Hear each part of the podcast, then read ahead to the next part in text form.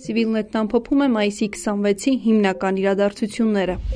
Այս պահին ռազմական դրություն մտցնելու անհրաժեշտություն չեմ տեսնում այս մասին այսօր ազգային ժողով կառավարություն հարցուպատասխանի ժամանակ հայտարարել է վարչապետի պաշտոնակատար Նիկոլ Փաշինյանը։ Ռազմական դրություն կարող է իրավիճակի կտրուկ սրման դեպքում տեղի ունենալ։ Մենք հույս ունենք, որ իրադրությունը ոչ միայն կտրուկ չի սրվի, այլև կստանա այն լուծումը, որի մասին մենք խոսում ենք, ասել է նա։ Փաշինյանի խոսքով Հայաստանն ամեն ինչ անում է դիվանագիտական ճանապարհով Սյունիքում եւ Գեղարքունիքում ստեղծված իրավիճակը լուծելու համար, բայց ողջամիտ լուծումներ չլինի լինելու դեպքում մենք իհարկե մեր տարածքային ամբողջականությունը, ինքնիշխանությունը պաշտպանելու մասին պետք է մտածենք։ Ուզում եմ ընդգծել, որ հենց Ռուսաստանի Դաշնությունը եւ ՀԱՊԿ-ն են որպես գործընկեր հորդորում, որ մենք քաղաքական եղանակներով այս հարցը լուծենք, նշել է վարչապետի պաշտոնակատարը։ Նիկոլ Փաշինյանը հավելել է, որ ՀԱՊԿ-ի երկրներն ու ՀԱՊԿ-ը հստակ դիրքորոշում չեն հայտնել, որ Ադրբեջանը պետք է զորքերը հետ քաշի։ Թեև աշխատանքային մակարդակում այդ դիրքորոշումը կա, բայց դա հրաապարակային մակարդակում չի արտահայտվում։ Փաշինյանը դեմ դեմարկացիայի մասին խոսելով հիշեցրեց, որ ռուս-ադրբեջանական սահմանը նույնպես դեմարկացված չէ։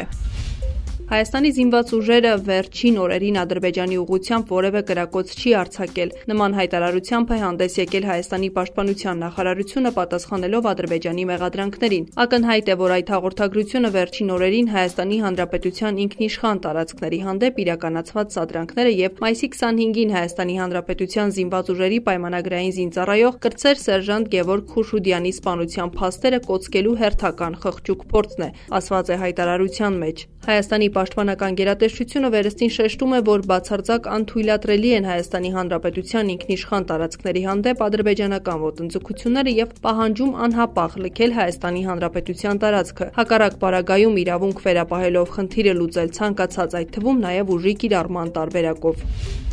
Վարչապետի պաշտոնակատար Նիկոլ Փաշինյանն ընդունել է աշխատանքային այցով Հայաստան ժամանած Իրանի Իսլամական Հանրապետության արտաքին գործերի նախարար Մոհամմադ Ջավադ Զարիֆին։ Իրանցի պաշտոնյան հույս է հայտնել, որ պանդեմիայի ավարտից հետո Հայաստանն ու Իրանը կկարողանան տնտեսական ոլորտում երկկողմ հարաբերություններն ավելի զարգացնել։ Մեղրի ազատ տնտեսական գոտին, ինչպես նաև Իրան-Նախիջևան-Հայաստան երկաթգծի արկայությունը շատ արդյունավետ կարող է լինել երկու երկրի համար։ Լավ համաձայնություն է ձեռք բերվել եւ հուսով եմ առաջիկայում կկարողանանք ակտիվ ներկայություն ապահովել Սյունիքի մարզում։ Սա այն կարևորությունն է, որ մենք տալիս ենք երկկողմ հարաբերություններին։ Ռազմավարական շատ երկխոսություն եմ ունեցել Հայաստանի գործընկերների հետ եւ առաջին իսկ պատեհ առիթով մեր ներկայացուցիչը, մեր բանակցողը կգա Հայաստան ու կշարունակի այդ երկխոսությունը, ասել է Զարիֆը։ Հանդիպման ընթացքում զրուցակիցները քննարկել են հայ-ադրբեջանական սահմանին ստեղծված իրավիճակի հանգուցալուծման ուղղված քայլերը։ Իրանի արտգործնախարարը շեշտել է իր երկրի շահագրգռությունը տարածաշրջանի կայունության ապահովման ապահովման Հայաստանի տարածքային ամբողջականության լիարժեք պահպանման ու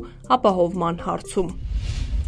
Այսօր լրացավ նախընտրական ցուցակները կենտրոնական ընտրական հանձնաժողով ներկայացնելու վերջնաժամկետը։ Քաղաքացիական պայմանագիր կուսակցությունը կգլխավորի Նիկոլ Փաշինյանը, Բարգավաճ Հայաստանը Գագիկ Ծառուկյանը, Պատիվ ունեմ դաշինքը կգլխավորի Արթուր Վանեցյանը, իսկ Հայաստան դաշինքը Ռոբերտ Քոչարյանը։